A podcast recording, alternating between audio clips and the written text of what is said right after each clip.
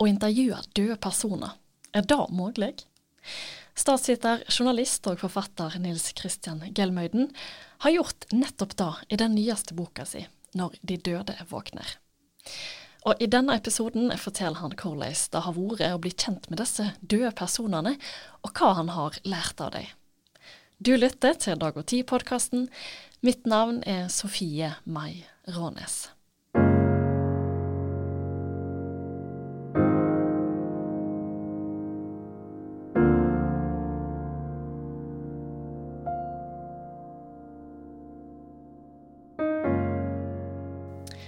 Nils Kristian Gelmeiden, velkommen. Tusen takk. Du er med fra Tjøme i dag. Veldig kjekt at Ja. du eh, Ja, veldig kjekt å ha deg her. Takk i like måte. Du er aktuell med en ny bok som heter 'Når de døde våkner'. Og dette er da en samling portrettintervju av døde personer. Og boka den er sett sammen av tre deler, som alle da representerer en periode mellom 1814 og fram til nesten i dag. Første personene ut er da Camilla Collett og Henrik Wergeland, og så avslutter du med Jens eh, Bjørneboe. Det er til sammen 18 portrettintervju, og jeg skal ikke ramse opp alle navnene her. Jeg regner med at en del av de blir nevnt i samtalen vår i dag. Aller først, hvor starta, eller hvordan starta denne ideen om å intervjue døde personer? Ja, Det er veldig rart. Det startet egentlig på 80-tallet. fordi eh, da var jeg i nød noen ganger. Plutselig gikk det galt med et intervju. Og så fant jeg på, eh, og det var bare påfunn, ikke belagt med noe kildemateriale, men jeg intervjuet uh, djevelen og, og Nietzsche og Jesus um, for Farmann og for Morgenbladet.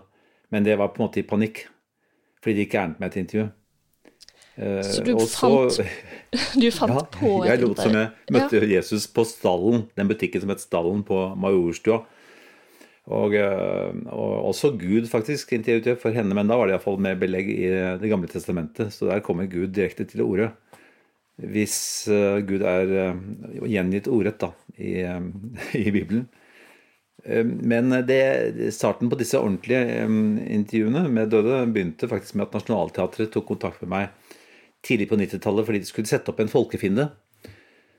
Og så spurte de om jeg kunne intervjue Ibsen i programmet, og det syntes jeg lød rart og spennende, så det var første gang jeg prøvde meg. Og, og det må jo ha gitt mersmak. Eh, Det het En statsfiende, og var på en måte ganske endimensjonalt. Jeg vektla bare anarkisten Ibsen. Han var nok anarkist og opprører også, men samtidig så elsket han å få utmerkelser av kongen. Han gikk på Oscarshall, eh, liksom han, han åpnet eh, Han var med på Suezkanalens åpning. Han, eh, ja, han likte også ære og honnør. Og vi er jo mange mennesker, alle vi som lever. Så jeg har sett på, på det som en utfordring i boken å få frem ja, flere sider ved disse menneskene enn jeg fikk til i de første. Jeg gjorde jo tilsvarende som Ibsen med Hamsun og Munch og, og uh, egentlig med Grieg. Eh, Men de var ganske ja, hva kan du si, ungdommelige eller ufullførte, endimensjonale. Så du har egentlig ganske lang erfaring du, da, med Ja, å intervjue er døde personer. Ja, jeg, synes det var Det man gjør, er jo at man lager svar Man lager spørsmål til svar som de har gitt mens de levde. Det er det som er saken. Og så er jo utfordringen å finne et øyeblikk, en ramme, et, et tidspunkt hvor du faktisk møter personen, hvor du vet at personen var. Og, og det er også veldig fascinerende å tenke seg når skal jeg ha møtt vedkommende. Er du da eh, deg sjøl nå, når du intervjuer de, eller ser du òg for deg at du f.eks. er en ung journalist eller en, en gammel pensjonist? eh, ja, jeg, eh, det varierer faktisk litt. Jeg, sånn som med Bjørneboe, da Jens Bjørneboe tok selvmord uh, i mai 76, så var jo jeg bare 14 år. Uh, så jeg eh, Der ser jeg for meg at jeg er nokså ung, og um, han dikter jo for så vidt Det er kjensgjerning at han også likte unge gutter og, og sånt noe på den tiden. Så der tenker jeg at jeg kanskje Jeg har jo valgt å presentere meg under det dekknavnet han hadde på sin dør på leiligheten sin ved Ekersberggaten. I kjellerleiligheten ved Vestkanttorvet hadde han en slags dekkleilighet hvor han faktisk også skjulte et medlem, ettersøkt medlem av Bader Meinhof. Så jeg velger å presentere meg som det dekknavnet, og det regner jeg med at han ville ledd av og syntes var morsomt at det nesten ble som å snakke med seg selv. Så jeg har jo på en måte tilpasset det litt uh, til de ulike Sånn som med Astrid Lindgren, som er den eneste jeg kunne intervjuet. Uh, selv om Bjørneboe er den siste i boken, så er jo intervjuet med Astrid Lindgren lagt til september, en septemberdag i 1993. Og da var jo jeg bare 32 år. Jeg kunne for så vidt um, 32 Jeg kunne faktisk fått et intervju med henne mens hun levde, men hun var en gammel kvinne. Hun var jo 85 år og uh, veldig svaksynt. Begynte å bli blind. Og det spørs vel om jeg hadde fått en intervjuavtale. Og det spørs vel kanskje om et medium ville sendt meg også. Men hun er iallfall den eneste jeg tror jeg kunne kanskje fått et intervju mens hun levde. Mm bare for, for lytteren sin del så må jeg bare få lov til å si at um, Og dette skriver du allerede i forordet, at du har lest nærmere 15 000 sider om det du har intervjua. Ja. Så du har altså blitt kjent med det gjennom tekst, biografier, brevsamlinger, artikler og dagbøker. Sånn ja. at eh, Du nevnte det vel òg tidligere at, eh, at, du har da stilt spørsmål ved ting som de Du har stilt spørsmål til dem om ting de på en måte har svart på. Ja, jeg har jo ofte da jeg intervjuet levende mennesker, og det gjorde jeg jo i 29 år Jeg har jo laget 600 portretter med levende mennesker. Og ofte når det nærmer seg slutten mot et samvær, så pleier jeg å si Har du nå noen spørsmål som du ønsker svar til? sa jeg. Og egentlig er det jo det, det, det motsatte jeg har gjort. Eller jeg har, jeg har, funnet svar, eller har laget spørsmål til svar de allerede ga mens de levde. Og så har jeg jo valgt eh, svar som har overrasket meg det er jo en del ting som ikke overrasker hos disse menneskene, og så sier de en del ting og har gjort en del ting som ikke jeg visste om. Så jeg har tatt veldig øye for, eh, for det som overrasker meg underveis. Ja, eh, jeg forsto at det var egentlig en ganske lang liste med ting som har overraska deg. Er det noe ja. som står ut, som, som, sitter ekstra godt igjen etter, etter arbeidet med denne boka?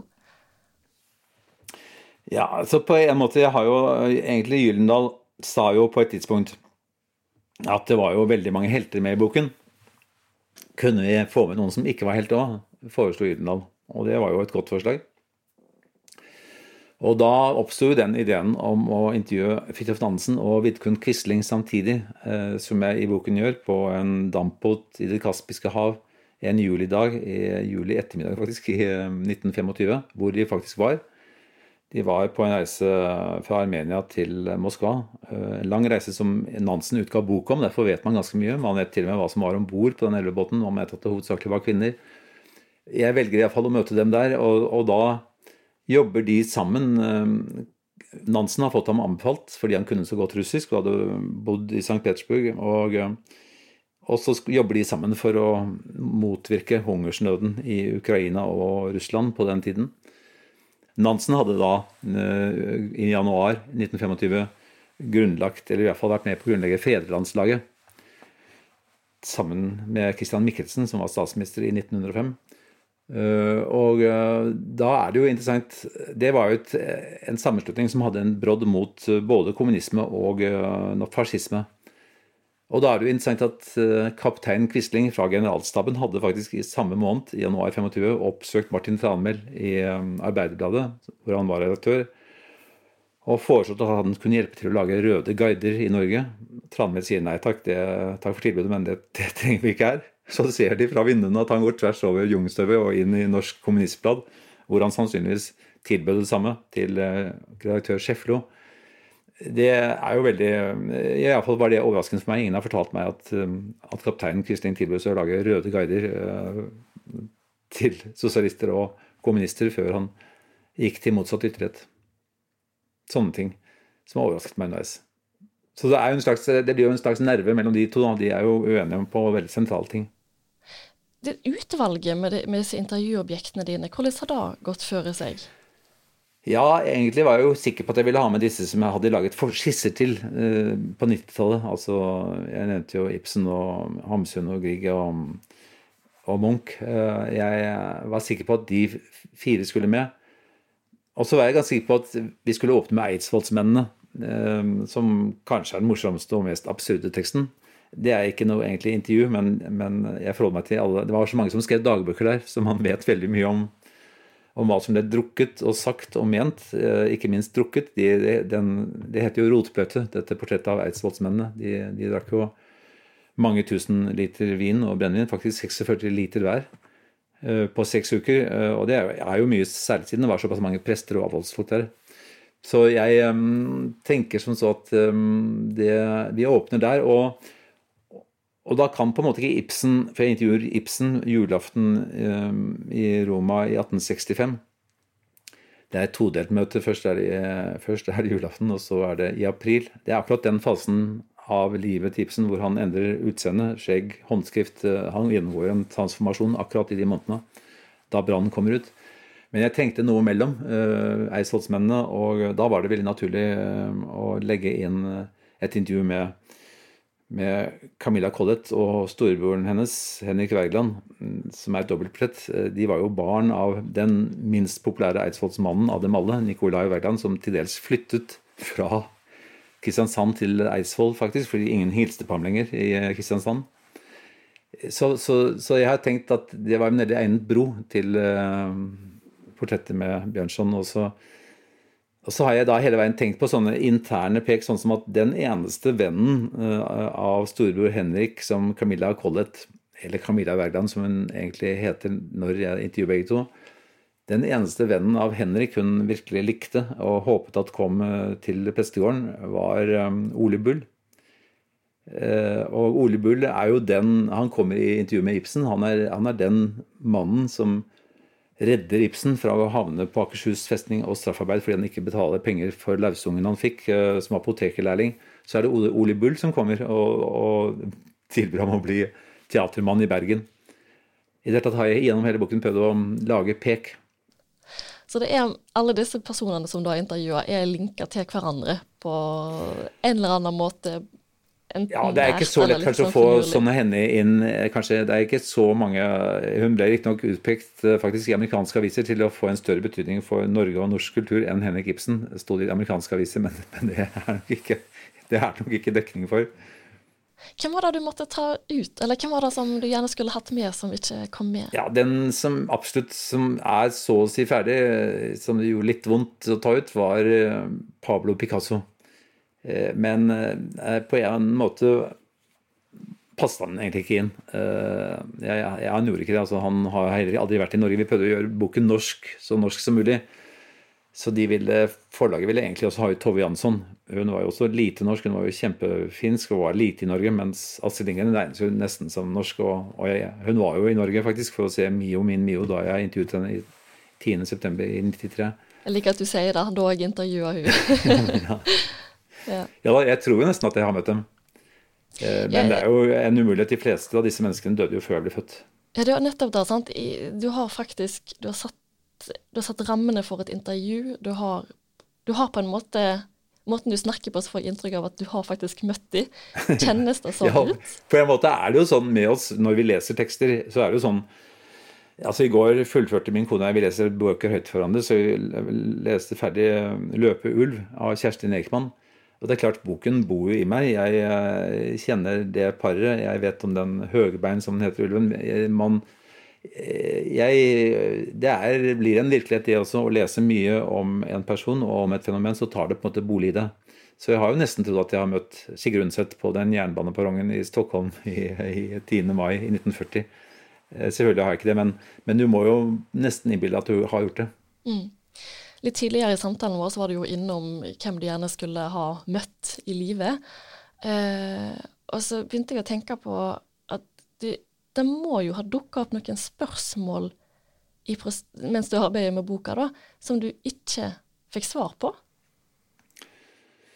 Jeg har jo forsøkt å ikke ta med synspunkter som de ga uttrykk for etter at jeg intervjuet dem. Jeg har for, forsøkt å tilstrebe tidsnærhet i det de har skrevet og sagt. Altså at jeg sånn som når jeg da gir inntrykk av å møte Jens Bjørneboe på Veiland i august 1975 eh, Jeg kan på en måte ikke Jeg vet ikke da. Jeg vet ikke at han skal ta selvmord ni måneder senere. Og kan ikke ta det med. Han har, virkelig, han har rispet seg ganske mye på håndbakken, så det er, det er helt tydelig Folk var urolige. De regnet med at det kom til å ende galt, for han har allerede begått mange selvmordsforsøk. Han gjorde det for så vidt allerede som 13-åring. Men, men, jeg har liksom, sånn som med Quisling og Nansen på Dampotten Jeg kan ikke jeg kan liksom ikke tillate meg å mene noe om at Nansen tre år senere sender nakenbilder av seg selv til en, til en ung amerikaner, eller, at, eller, hva som skjer med Quislings uh, senere liv. Jeg har uh, som et ledd i illusjonen tenkt at dette, han var bare en nokså anonym og rar kaptein. Jeg har forsøkt å ikke dømme så mange av dem, med, med sånne hender er det også et tragisk tidspunkt for jeg intervjuet henne i juni 1956, da hun nettopp har giftet seg for tredje gang med Nils Onstad. Og hun har eh, faktisk falt på isen under et isshow i Roma, og, nei, ikke Roma, i Rio heter det. Og hun har drukket seg full, så hun er dritings og faller kav dritings på isen. Det er helt over med iskarrieren og isshowene, og, og, hun er alkoholiker. liksom. Først nå ser verden at hun er alkoholiker. Og det har jeg bygget inn som en slags nerve um, ved at hun Man vet at hun drakk sprit whisky eller vodka av 7-Up-flasker. Smart i og for seg som de er grønne, så man kan ikke se ordentlig fargen på innholdet. Men, men, når jeg kommer dit til um, Landåsen i Asker, så, så byr hun meg også 7-Up. Og jeg får sitronbrus, men hun er i gang med sin 7-Up, som vi gradvis forstår at ikke inneholder sitronbrus. Ja, så jeg, jeg, tenkte at det var en måte å få det frem på. Hun var kjent for å banne mye, og banner stadig mer under vårt samarbeid. Mm. Ja, Det må jo ha vært en fantastisk reise, da. Og... Ja, jeg syns det hadde vært skikkelig på morsomt og annerledes og overraskende, og for meg iallfall veldig lærerikt. Så jeg håper at den har samme effekten på, på lesere som deg. Men hvis det er Altså, jeg forstår at du har på en måte gjort et intervju med disse i en livssituasjon eller en periode i livet deres, eh, sånn at du må avgrense eh, Du må avgrense informasjon og spørsmålene og sånt. Men, men hvis du hadde fått lov til å møte noen av de mens de levde. Er det, et, er det et spørsmål du gjerne skulle ha stilt dem, da?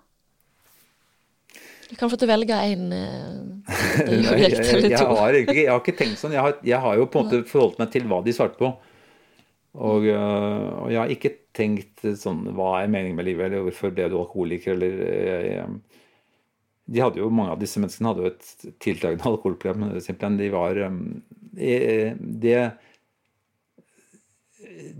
underliggende spørsmål, eller de to underliggende spørsmålene når de da intervjuet levende, så tenkte jeg alltid at det var to grunnleggende spørsmål. Hva vil det si å være deg? Hva vil det si å være Marit Bøygen? og hvordan blir man som Marit Bøygen? Det er liksom de to spørsmålene som alltid har ligget under, og jeg håper at de er, ligger under at vi får vite hva det ville si å være eh, Quisling og Wergeland, og hvordan man ble sånn. Mm. Ja, for hva ønsker du med denne her boka? Er det historiebok? Ja, er det, ja, det er jo altså- det er på en måte å levendegjøre um, historien gjennom mennesker, og også levendegjøre mennesker gjennom de konfliktene de har båret i seg. Vi lærte på skolen at Ibsen var en gammel dikter som man kunne stille klokken etter på, på Karl Johans gate. Liksom. Eh, han var mye mer enn det. Han var opprører, han, var masse, han hadde masse motsetninger. Han kjempet eh, i motvind det meste av livet, faktisk. Og, eh, dette, og, det gjorde de alle sammen. Alle har kjempet, og de har ikke gitt opp. Det, har, det, er vel det de har til felles. De har simpelthen ikke gitt seg. Og det, jeg ser det at det er en slags rød tråd at de har hatt grunn til å gi seg, alle sammen. Kanskje unntatt sånne Hun ga seg jo for så vidt som, som uh, idrettsperson og begynte som filmstjerne. Ja. Har du lært noe av, av disse 18 ja, veldig. Ja, jeg syns jeg har lært mye om, om eget liv, og jeg syns jeg har lært mye om historien og, og jeg har, jeg har, de har vært mer annerledes enn jeg var klar over. På en måte, La oss ta Bjørneboe. Alle vet at han hadde et alkoholproblem. Men jeg ante ikke at han, at han la seg under en sportsbil i Montebello-bakken og åpnet frostvæsken og drakk frostvæsken under en sportsbil. Det, at det var så ille med fatt med ham, det ante jeg ikke. Så og også sånne eh, Edvard Grieg, jeg syns det er veldig en fin Jeg har prøvd å bygge inn sånne talende detaljer, som journalister kaller det. Men det at Edvard Grieg nesten alltid gikk med en, eh, en frosk av leire eh, i lommen sin som han trykket på når han var redd eller trengte trøst. Det var en lykkebringende frosk som han, som han var redd for å spille piano på scenen. Og han var like redd for å stå på scenen som, som du og jeg ville vært. Og det syns jeg er veldig levendegjørende, for det er så gjenkjennelig. Det kunne vært deg og meg. Vi er redde, sånn som Edvard Grieg var. Det er jo, som jeg har nevnt, eh, all informasjon du har i boka, kommer jo fra eh, annen tekst, altså biografier, brevsimlinger, artikler osv. Hva nytt mener du at du tilfører ved å skrive denne boka? Nei, Det er vel kanskje det å kombinasjonen av opplysninger og kombinasjonen av gjengivelser det jeg ikke har tatt med, som jeg syns ble for alminnelig eller for alminnelig kjent, eller som jeg visste til fra før. Jeg har alltid tenkt sånn med Leve nå. Det jeg visste fra før av om Marit Bøgen eller Sylvi Listhaug eller um, Selina Melfort, det dropper jeg, det tar jeg bort, liksom. Så jeg har alltid prøvd å ta med det som overrasker meg, også med elevene. Jeg har egentlig hele livet som skrivende tenkt på søkt å gi den andre versjonen Min aller første bok, mm, denne vi snakker om nå, er jo nummer 39. Min aller første bok var jo en, på en måte en begeistret bok om det som da var Norges mest forhatte menneske, altså Børre Knutsen, abortmotstanderen. Og det ble jo på en måte en bok fordi jeg forventet Jeg møtte ham egentlig fordi jeg skulle lage et blasfemisk eh, innslag i Morgenbladets julenummer. Og så møter jeg den eneste presten som, har, som har virket sympatisk og morsom på meg. Så da var det mest, at eh, det var en helt annen person enn jeg forventet å finne. Og, derfor ville jeg skrive bok da med Tope forlag spurte om jeg ville. Og jeg tenkte at det kanskje satte på en måte en slags norm, en, en slags vilje. I mine beste tekster har jeg, ser jeg at jeg har forsøkt å i den andre versjonen. Jeg har gjort det for så vidt om mat og drikke og legemidler og forplantningsevne. Jeg, jeg håper at mine beste bøker og tekster er et forsøk på å formidle den andre versjonen. Det finnes flere versjoner. Men dette er også en versjon. Vi skal begynne å avslutte. Eh, jeg tenker, eh, Som vi har sagt mange ganger nå, så er det døde mennesker du har intervjua. Og i intervjuet med Astrid Lindgren så spør du om, om hun frykter døden. Hun var jo 85 år når du intervjuer henne. Og på en måte, hun var jo levende i intervjusituasjonen, men samtidig, det er jo litt sånn ironisk å spørre et allerede dødt menneske om, om vedkommende er redd for døden, da. Har du um, i arbeidet ditt gjort deg noen tanker om, om, din egen eh, død og eget altså ettermæle? Det er jo Nei, det, det, har jeg ikke, og det, har, det, styrer man jo heller ikke over. Ettermæle det har jeg ikke tenkt noe særlig på. Jeg, eh, jeg, tror heller ikke at jeg har eh, begynt å intervjue døde fordi jeg nærmer meg døden selv. Jeg tror, jeg tror egentlig ikke det er derfor. Jeg, jeg, har jo ikke, jeg har jo forsøkt å levendegjøre døde. Jeg har jo gjennom intervjuer forsøkt å levendegjøre mennesker som er gravlagt. Det er det som er saken. Og jeg har ikke tenkt så mye på min egen død. Det hender jo at jeg tenker på at jeg selv skal opphøre en dag òg, men det, det, det har ikke vært noe Ja, det har ikke egentlig preget denne boken, tror jeg. Eh, det har ikke det. Nei. Eh, da, siste spørsmål, og da tenkte jeg skulle eh, gjøre det som du eh, har gjort. Og avrunde eh, samtalen, da. Med må spørre om om du nå har eh, noe svar som du skulle ønske et spørsmål til? Nei, jeg stilte det spørsmålet uh, iblant som et håp. Jeg egentlig gjør det fordi det hender jo selv at man har en del svar som man ikke får, at man gjerne vil snakke om noe som intervjueren ikke tar opp.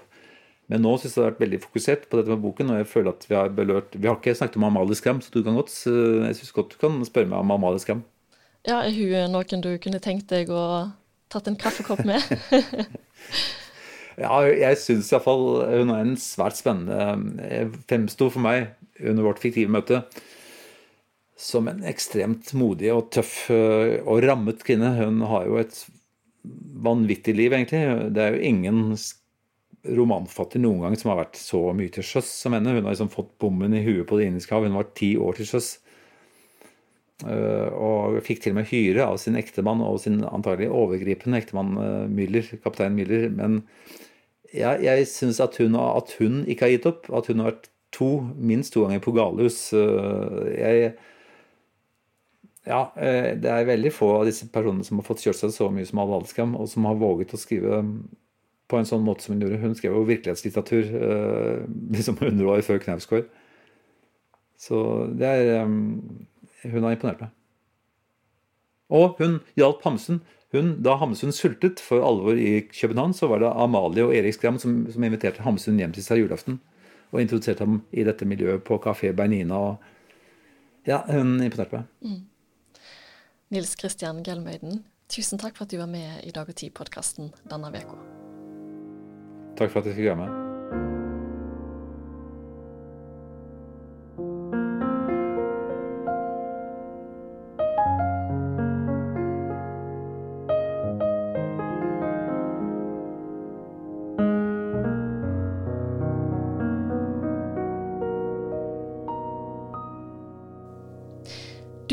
Til Dag og Tid-podkasten.